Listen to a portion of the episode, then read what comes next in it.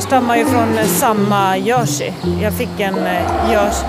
Ja, du, de kommer ju gapa, men det blir ju trevligt. men eh, jag fick en eh, jerseykalv när jag fyllde 40 i present av min man.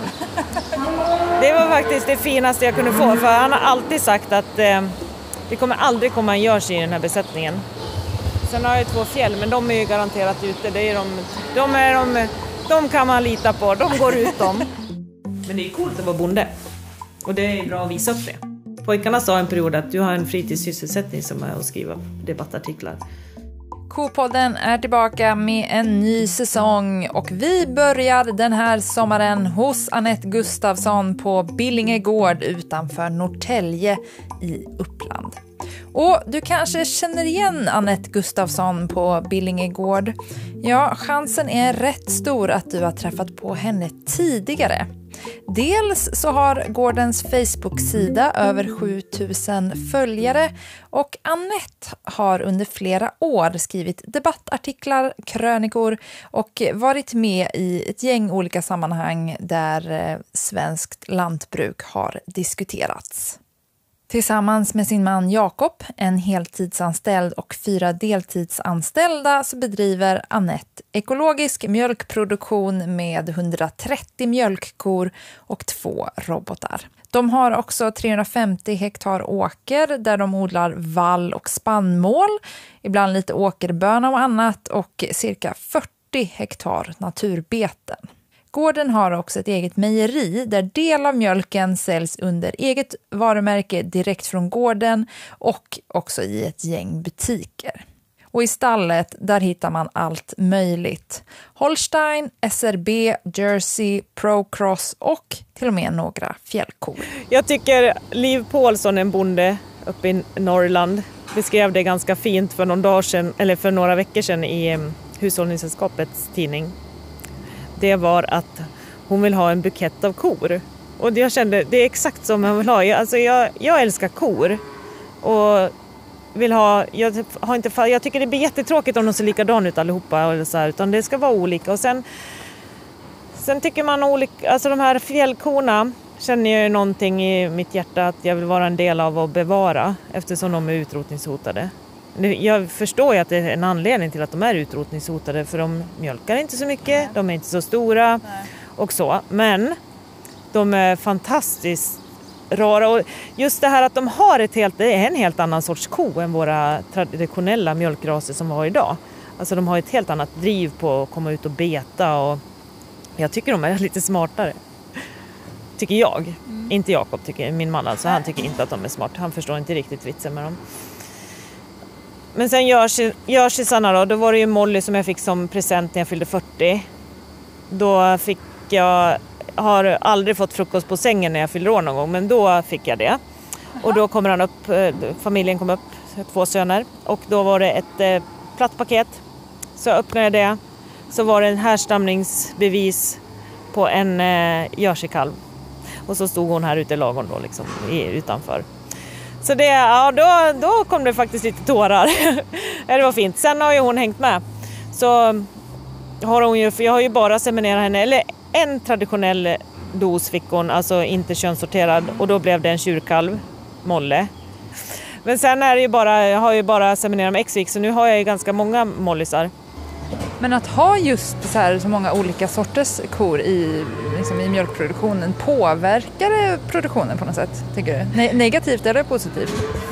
Ja, om man ska bara titta på siffror så påverkar de ju inte positivt just de här fjällkorna och Jersey, det kan jag inte påstå. Som Lilja nu som kalvade som förstagångskalvare, hon mjölkar ju nu, ja har hon kommit upp i åtta liter nu så har vi gjort det bra. Och då var det ju en vecka sedan, nej en och en halv vecka sedan hon kalvade, eller en vecka sedan de drar ju ner medlet gör de och lika mina Jersey, det kommer ju inte från någon eh, hon Urmolly var ju inte så mycket avelsplanering bakom henne. Alltså, det var ju egen tjur hade de haft alltihop. Så att, men jag hoppas ju att min strategi ska göra att de blir och mjölkar mer och mer.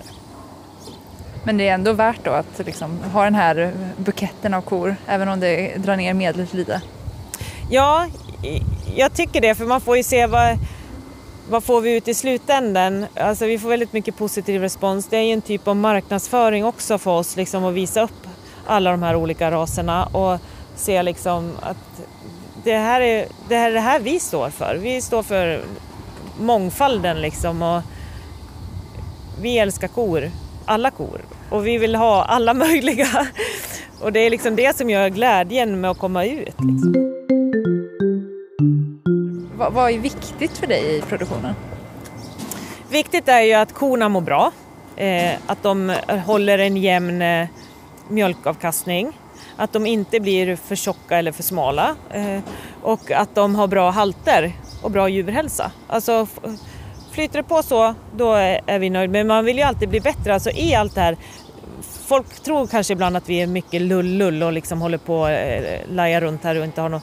Men produktionen är ju grunden liksom. Korna, som sagt, fjällisar och någon gör sig och åker lite frikort på produktionen. Men de andra måste ju producera för att det ska vara lönsamt, annars kan man ju inte hålla på. De måste ju betala sin plats varje dag.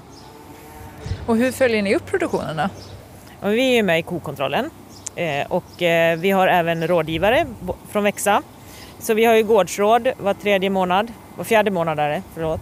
Eh, och då följer vi upp, och vi följer upp liksom varenda...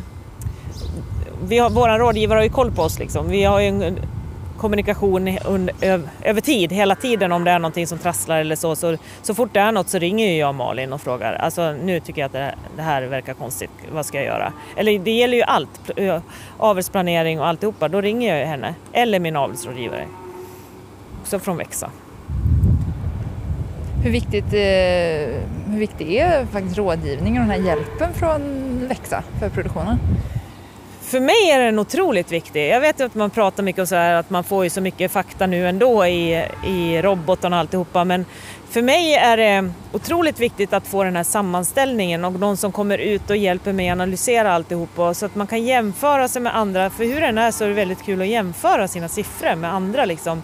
Och det triggar ju lite så här, ja men om man själv har trott så här, det går ju inte att komma upp på den där nivån och så ser man att andra minsann kommer upp, ja men varför ska då inte jag klara av att komma upp? Så för mig är det viktigt att få den här och framförallt att vi sätter oss ner den här, eh, på det här gårdsrådet och verkligen genomlyser alla siffror. För den tiden tar inte vi oss riktigt annars. Med tanke på, vi pratar ju om rådgivning. Ja. Har, har, ni tänkt annorlunda kring rådgivning just nu med liksom, tanke på det ekonomiska läget?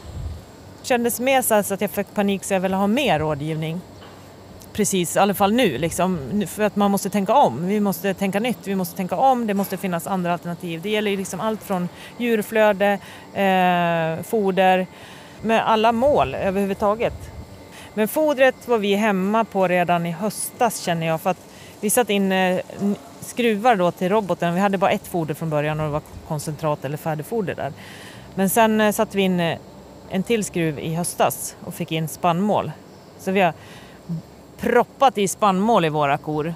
Vilket har gett att inte, de mjölkar inte lika bra som de brukar. Men nettot blir ju betydligt bättre.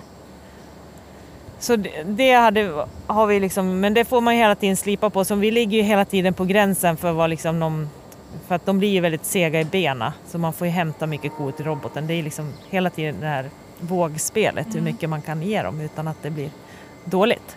Sen är det här med djurflödet. Vi får mycket kvigkalvar. Eh, ska man stoppa in allihopa eller ska vi föda upp dem till slakt eller ska jag föda upp dem och göra dem dräktiga och sälja? Eh, det där är ju svårt att veta. Det är ju liksom en, ett år kvar innan mm. man bestämmer om man ska seminera dem eller inte. Men jag brukar försöka bestämma redan när kalven föds. Ska hon vara kvar eller ska hon inte vara kvar? Ska, hon bara, ska jag sälja henne som kalv eller ska jag sälja henne som dräktig kviga? Eller ska vi sälja henne som kött? Och så lägger jag upp dem för varje månad, vilken månad då är tänkt att de ska semineras och lite så. Eh, men sen blir det också nu, blir man ju inte av med tjurkalvar. Då måste man tänka, ska vi då behålla dem själv och göra stut av dem? För att det kommer ju bli brist på kött, det är jag ganska övertygad om. Men det tar ju också två år. Och då måste vi också ha någonstans att ha dem och det har vi inte för tillfället. Men, så det är många frågor som man behöver bolla med rådgivare känner vi i alla fall. Sen bollar vi, vi försöker vi liksom bolla hela tiden men man behöver hela tiden input från någon som har lite mer split vision. Mm. Typ. Eh, och rådgivningen har ju, tycker vi, alltid genererat pengar till oss. Eftersom vi har så mycket olika saker för oss och vi hinner väldigt sällan sätta oss ner. Det är väldigt skönt att det kommer någon utifrån och säger gör det här, gör det här. Och då, då sätter de igång tankeverksamheten på oss och så tänker vi själv. Och så får vi, det är inte alltid vi gör som rådgivningen säger, men vi liksom sätter igång och tänker. Jag har en till med en till fråga eh, om kor och eh, produktionen. Eftersom ni blev ju, ni är tydligen ganska bra på det här med eh, fruktsamhet ni blev RE-mästare i Upplandskretsen 2021. Billingegård blev alltså repromästare i Upplandskretsen med ett RE på 0,42 2021. I senare avsnitt av Kopodden den här säsongen kommer vi också träffa repromästaren i Sverige. Men jag tänker att vi stannar till lite först vid vad betyder egentligen RE och att bli repromästare? Helena Kättström är veterinär och avdelningschef för djurhälsa fält på Växa och en av dem som tagit fram det här priset Repromästare. RE står för reproduktionseffektivitet och det är ett tal som, som eh, man har tagit fram med och kallar lite olika saker i olika länder. Men man, man har tagit fram det därför att det samlar både biologin och management i ett enda tal så att det blir en väldigt snabb överblick över fruktsamheten i besättning. Man räknar ut den genom att plocka fram semineringsprocenten och så multiplicerar man den med dräktighetsprocenten och då får man RE eller reproduktionseffektiviteten. Snittet i Sverige ligger någonstans mellan 0,2 och 0,3. Det varierar ju lite över tid. Men 0,22, 0,23 Eh, där någonstans är ett medeltal som är ganska vanligt. Och vi brukar säga att under 0,20, 0,2 då har man problem att ha tillräckligt djur i sin besättning. Man klarar inte riktigt sin rekrytering. Det beror ju på andra siffror också som hur länge korna är kvar, utslag och sådär. Men, men generellt kan man säga mellan tummen och pekfingret så under 0,2 är bekymmersamt och det kostar också mycket pengar att ligga där. Det finns väldigt mycket att tjäna på att ta sig upp och komma upp mot 0,3. Över 0,3 kan man vara ganska säker på att man har tillräckligt med djur om inte det händer något exceptionellt. Och då ligger man bra till skulle jag vilja säga. Eh, och då är det så sorgligt att sen att gå från 0,3 till 0,4 då tjänar man inte lika mycket per enhet som man gör där nere. Men de som ligger med svaga resultat på RE har mycket att tjäna på att jobba med det. Därför att det här är ju motorn i produktionen. Att kor och kvigor blir dräktiga i tid och, och grundas för, och när man vill ha dem dräktiga förstås. För det, det är ju faktiskt så att här styr vi inte, det här värdet påverkas inte ett dugg av när du väljer att ha inkallningsålder eller hur långt kallningsintervall du har. Utan det handlar om hur väl du lyckas hitta brunster och hur väl du lyckas få djuren dräktiga i den tid som du önskar det snabbaste sättet om man nu inte vill räkna själv sin RE så finns det presenterat i min gård. kan man kika där och presenteras eh, direkt. Hur jobbar ni för att eh, ha en bra fruktsamhet? Ja, jag fick frågan då också. Då sa jag så här, ja men eh, vi gör inte så mycket utan bla bla bla. bla. Men det är klart att vi har någon form av strategi. Alltså annars, vi, dels har vi ju våran avelsplanering, alltså beläggningsplan, att vi vet exakt vilken månad vi ska seminera vilka kor. Och sen våra kor, det är ju fodret också naturligtvis eh, som gör att de och, och miljön och alltihopa, de visar otroligt tydliga brunster. Så det är väldigt svårt. Sen har vi ju våran eh, eh aktivitetsmätare, Lelys. Men eh, det eh, Ofta skulle man inte ens behöva den för det är om de har brunstar på natten som man kan plocka dem på där då. Men annars så de visar otroligt tydliga brunster. Och sen är det, ja, vi har väl någon form av bra teknik då, kanske också.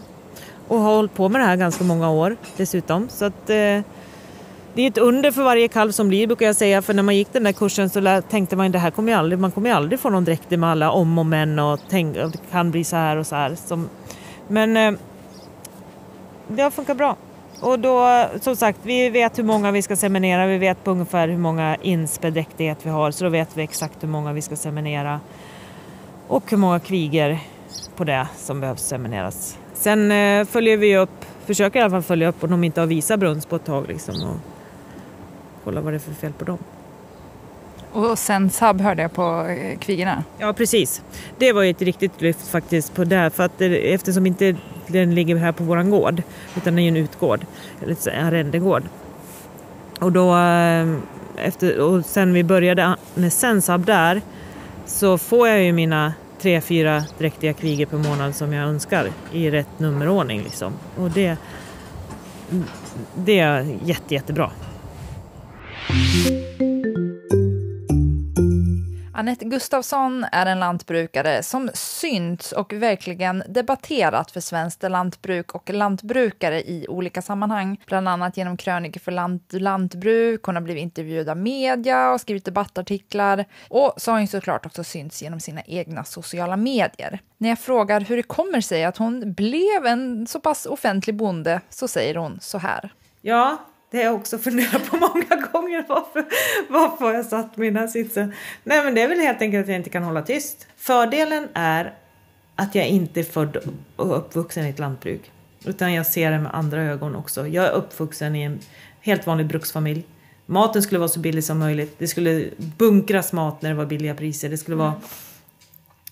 Och, så, och komma ifrån den till, till Jakobs familj, där maten var fokus hela tiden och eh, väldigt viktig. Och sen även blir den som producerar maten själv. Alltså, jag, jag kan ju se hela och då förstå liksom problematiken för de här som tycker att de inte har råd att köpa eller hur de tänker och då försöka förklara för dem på ett enkelt sätt varför det blir så tokigt om vi inte har den här svenska livsmedelsproduktionen. Och sen råkar jag skriva en debattartikel någon gång och sen, ja det var kul att skriva. så det var fortsatte. Pojkarna sa en period att du har en fritidssysselsättning som är att skriva debattartiklar. Och det lät ju tråkigt tycker jag. Men eh, ja, då fick man i alla fall... Man får ur sig vad man vill och så tänk, om man sitter och tänker så här, men hur tänkte och göra massa liknelser med andra saker i samhället, då blir det mer tydligt för folk vad det handlar om. Mm. Och göra det enkelt, för vi krånglar till allting så himla mycket jämt. Men har det haft några liksom, negativa eh, konsekvenser av att ändå bli lite så här ansiktet utåt för svenskt lantbruk och bli en bonde som syns? Ja, eller jag tycker väl inte att det finns så mycket negativt. Hade barnen inte varit med på banan så är det klart att det hade blivit negativt. Men nu, de backar ju 110 procent allt vi gör och säger. Men det var ju då när det blev mycket med djurrättsaktivisterna. Och, men eh, man får ju se något positivt ur det. Som sonen då som blev kallad mördare i skolan för att han var ja, barn till oss bönder och dessutom hade egna får som han slaktade på hösten. Och då, då passade jag på att bjuda in mig till skolan och då fick jag prata för hela högstadiet där om just eh, mjölkproduktion, om hur det går till och hur man uppför sig. Att man inte som in...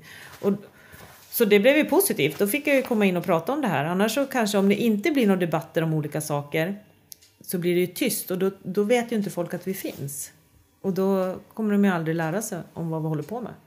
När det väl, om det blir något mediasnurr av någonting, som torkan, ja då fastnar de lite på och, och fråga oss massa saker. Eh, det, eh, det vore bra om det fanns, nu finns det många fler att välja på. Så att jag tror inte det kommer bli något problem om det blir mer. Jag gör ju det gärna, men det blir ett otroligt ansvar.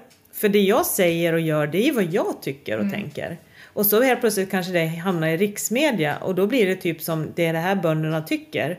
Så att eh, eh det, det blir ett otroligt ansvarstagande också. Annette har bland annat kämpat för mer svensk mat i offentlig verksamhet, något som började i Sönernas skola. Och visst pratas det mer om vikten av svensk mat och svenskt kött bland annat. Nu efter invasionen av Ukraina pratas det mycket om Sveriges självförsörjning, hur den ser ut och hur den skulle kunna se ut. Men hur märks det här i handeln då? Majsan Pense är sortiment och inköpsansvarig för kött på Coop Sverige. Men det betyder att eh, jag och min kollega då ansvarar för egentligen sätta alla sortiment för alla Coops butiker runt om i hela landet. Vi bestämmer vilka leverantörer vi ska jobba med och eh, ja, förhandla priser. Eh, men vi har också när det gäller kött då ganska stort stor representation ut mot drift som vi säger mot butik då försöker förmedla de saker vi beslutar om för att det, det händer så mycket så vi behöver också vara aktiva ute i driften. Då. Men hur tycker du då att intresset för svenskt kött har förändrats de senaste åren?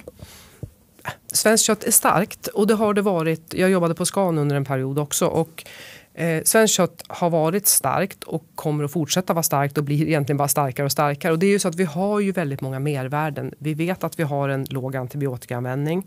Vi har en sund djurhållning. Eh, det är bra för ett land att ha ett, en egen produktion och det ser man kanske i de här dagarna nu att, att det är viktigt att faktiskt ha mera saker inhemskt. Och jag tycker de nationella handlingsplanerna som ändå riksdag och regering gav initierade här ja, tidigare för flera år sedan. Då. Det, det, det, är ett viktigt initiativ för någonstans måste vi bli mera självförsörjande. Och ja, det är egentligen, jag tycker den är viktig. Um, men tycker du också att det, det märks liksom i, ja men du kan ju mm. prata för Kropp, tycker du att det märks i butiken också att det, det finns ett större sug över att köpa svenskt? Ja, större, ja, det kan man säga. Att vi, vi, har, alltså, vi har haft så hög andel hela tiden. Så att det, det är så att det har, snarare, det har inte minskat i alla fall. Utan det är samma, det jag ska säga, det som har hänt de sista fem åren kan man väl se att för köttet har man ju varit väldigt liksom målmedveten att man ska köpa svenskt. Men det som har hänt tycker jag sen jag kom tillbaka till Coop det är att man också börjar titta på andra varor, till exempel skärken. När jag kom tillbaka då hade Coop 45 procent av våra egna varumärkens skärk Då, då hade vi 45 procent svenskt. Nu är vi uppe i 95. Och det är en resa som vi har gjort på ett antal år här för vi har känt att nej men, det, är ett stort, det är en stor efterfrågan och det är ju bra för att hela anatomin på djuret måste ju gå ihop. Så att, och där, där kan man ju se att konsumenten blir mer medveten på totalen tror jag. Mm. Vilket är bra. Det är jätte, jättebra. Att man förstår att det hänger ihop. Det är inte bara köttbiten, det är skärken också som, som man gärna ska titta på när man ska köpa svenskt. Just nu i butikerna så ursprungsmärks ju köttet och även på en del restauranger när man börjar med det och det är lite olika liksom hur detaljerat eh, det är. Men tror du att vi kommer få se en ännu mer detaljerad ursprungsmärkning i butikerna? Till exempel mer var i landet det har producerat, kanske om det är mjölk eller köttras? Jag tror att lokalt är viktigt och det kommer alltid att vara. Eh, och man, där tror jag att man måste fånga det från, från region till region. För det, det, det, lokala är väldigt svårt att säga att en stor aktör ska producera. Man tappar lite av mervärdet där. Och det kommer att vara viktigt. Det, det tror jag fortfarande att, och det kommer säkert att öka.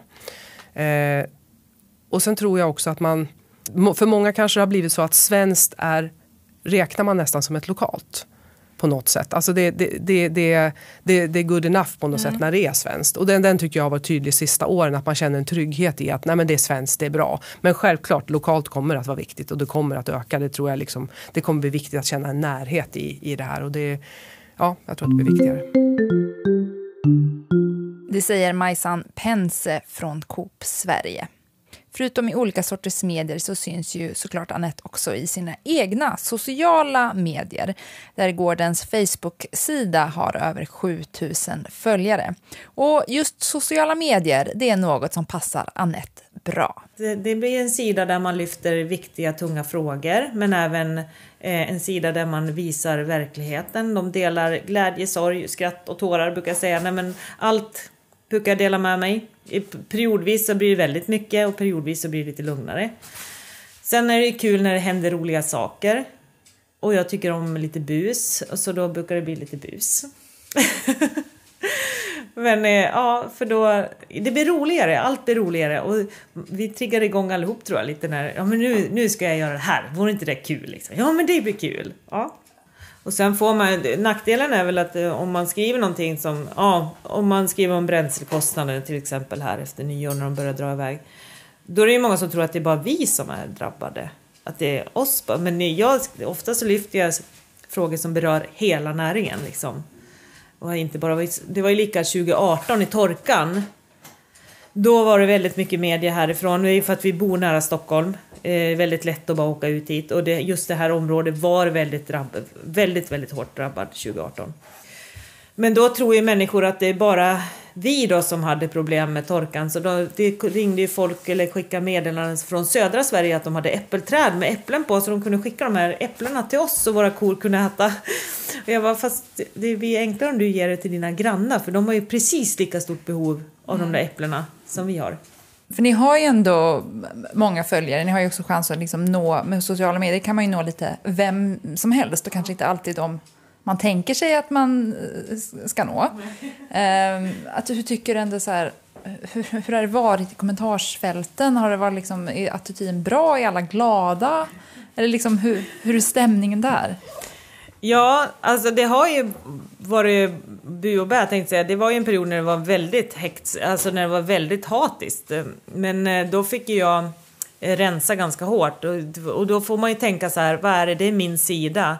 Det kan man ju se som, det är mitt, mitt vardagsrum jag bjuder hem någon till. Alltså, det är inte en mänsklig rättighet att få följa Billinge Gård. Så här, utan om jag inte tycker att de passar och sköter sig, då kan jag faktiskt blockera dem.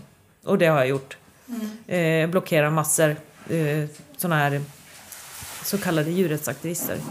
De eh, behöver ju inte vara på min sida för de gillar ju uppenbarligen inte det vi gör. Men sen tycker jag att olika åsikter är ju liksom eh, man kommer framåt om man tycker olika så att jag välkomnar verkligen liksom oliktänkande om man kan hålla det på en saklig nivå mm. och definitivt inte gå till personangrepp och så. Så det, ja, men jag tycker senaste tiden tycker jag det har varit fantastiskt fint klimat på de flesta sociala sidor mm. som man har kollat på. Jag tycker det, ja.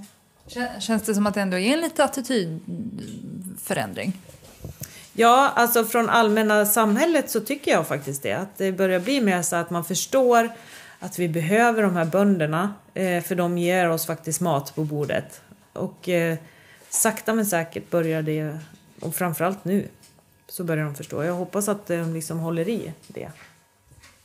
För ni är ju ett gäng lantbrukare som är väldigt bra på att vara på sociala medier, väldigt aktiva och liksom visar upp sin vardag, både ja, men, verkligheten, både det bra och det dåliga. Vad, vad tror du det gör ändå för bilden av vad svenskt lantbruk är? Jag tror det är sjukt bra.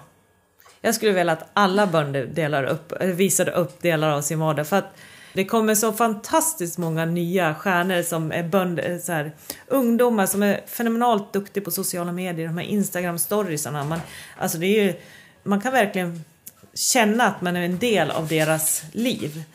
Så att det tror jag är superbra. Dessutom är de så fantastiska förebilder. De är roliga, de är coola, de är starka. Alltså de är bra, bra människor mm. som är trygga i sig själv och tror på det de håller på med. Och visar upp en otroligt positiv syn på svenskt lantbruk.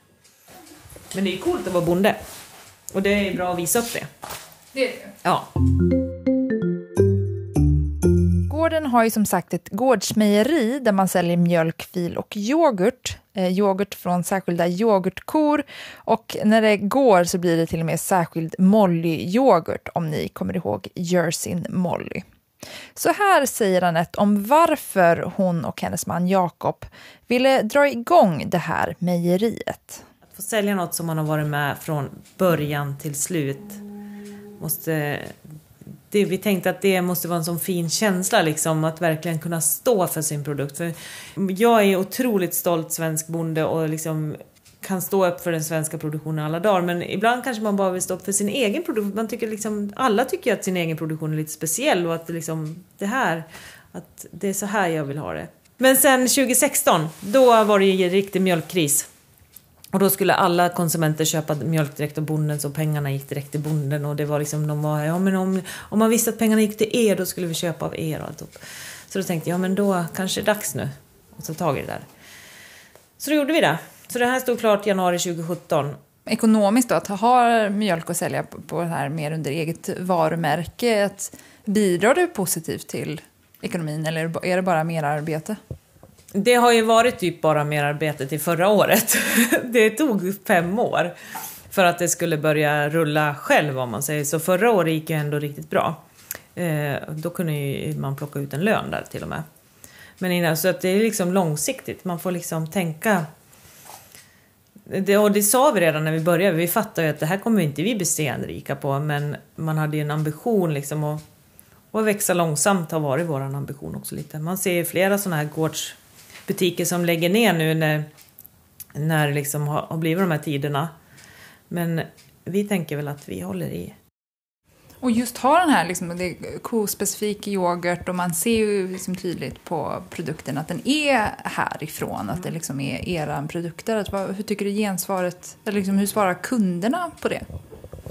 Jag tycker de svarar jättebra, de man når. Det, alltså det har ju varit en intressant resa det här med gårdsmejerier. För det, och, och marknads, att dels producera råvaran och eh, sedan eh, förädla den och marknadsföra den och sälja den. Det är många, väldigt många kepsar man måste ha på sig.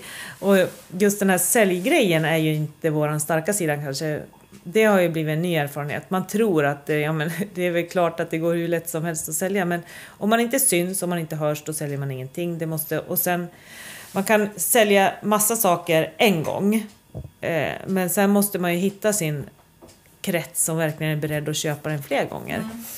Det, efter, den, den är väldigt uppskattad när de har provat den så att det, på de här rekoringarna så går den ju fantastiskt bra. Och lika sen när de kommer hit och handlar. Och på gårdsbutiker. Man måste hitta sin kundkrets helt enkelt som är beredd för att den är ju inte billig. För det ska den definitivt inte vara för med tanke på allt arbete som vi lägger ner från början till slut på den. Så att då, då måste kunden vara medveten om det och så beredd att betala vad den kostar helt enkelt. Ja, för jag tänkte just fråga dig, att är det svårt att ändå få folk Eh, att betala mer. För jag tänker om man bara jämför med en, liksom ett annat yoghurtpaket i hyllan så är liksom prisen ganska stor skillnad. Varför tror du ändå att de kunderna ni hittar vill betala mer för era produkter? Det är ju den medvetna kunden som väljer det här. Att den som är Eh, som har sett hela vårt arbete. Det är många som följer oss på sociala medier som ser allt arbete vi lägger ner på det här och eh, förstår vikten av att det är ju verkligen en väldigt naturlig produkt. Det är liksom det är 10 meter mellan lagård och mejeri och de har kunnat följa med hela resan. Om vi tittar annars då, har ni anpassat er och produktionen på något annat sätt med tanke på liksom, läget just nu för att uh, fortsatt ha en god lönsamhet? Mm, god lönsamhet vet jag inte riktigt om vi har haft någonsin men, men att fortsätta överleva. Ja, det är ju det där Alltså vi måste ju titta hela tiden. Vi, eh, nu är det ju faktiskt ett bra mjölkpris, mm. eh, tycker vi. Eh, och då blir det så här, jaha, eh, ska vi verkligen hålla på med det här gårdsmejeri då? För det kostar ju rätt mycket också. Men jag tror ju liksom att det är, man ska ha massa olika ben att stå på och hålla igång de olika grenarna som man har satt igång. För rätt vad det är så går mejeriet bättre än korna eller så går korna bättre än mejeriet och det, då måste man ha det där så de kan hjälpa upp. Men annars har vi inte tänkt. Vi, alltså vi har gått igenom så sjukt många kriser som bonde från att vi började. Så att jag känner så här, jaha, då kom den här. Hur ska vi tackla den? Ja, men då gör vi så här. Vi fortsätter som vanligt helt enkelt. Lite full fart framåt? Full fart framåt, ja. För det är det enda. Alltså, alla andra näringar som vi håller på med, det är sånt som man kanske skulle kunna tänka, ja men vi kan väl lägga ner det här eller något. Men mat, det kommer ju alla behöva. Och det är det vi gör. Vi gör ju liksom mat på ett otroligt klimatsmart sätt. Liksom, utav det här gräset som växer så gör vi mat. Och det kommer folk snart förstå. Jag har, det har jag sagt i 20 år snart nu sedan vi började med den här lagen. Men jag tror nu är, nu är det läge. Nu kommer de fatta vad vi håller på med. Det var allt från Annette Gustafsson på Billinge Gård och det var allt från Kopodden för den här gången. Alla avsnitt av Kopodden finns på vår hemsida vxa.se. Du kan också hitta dem via kopodden.se eller där poddar finns. Jag heter Sara Lindros. Vi hörs.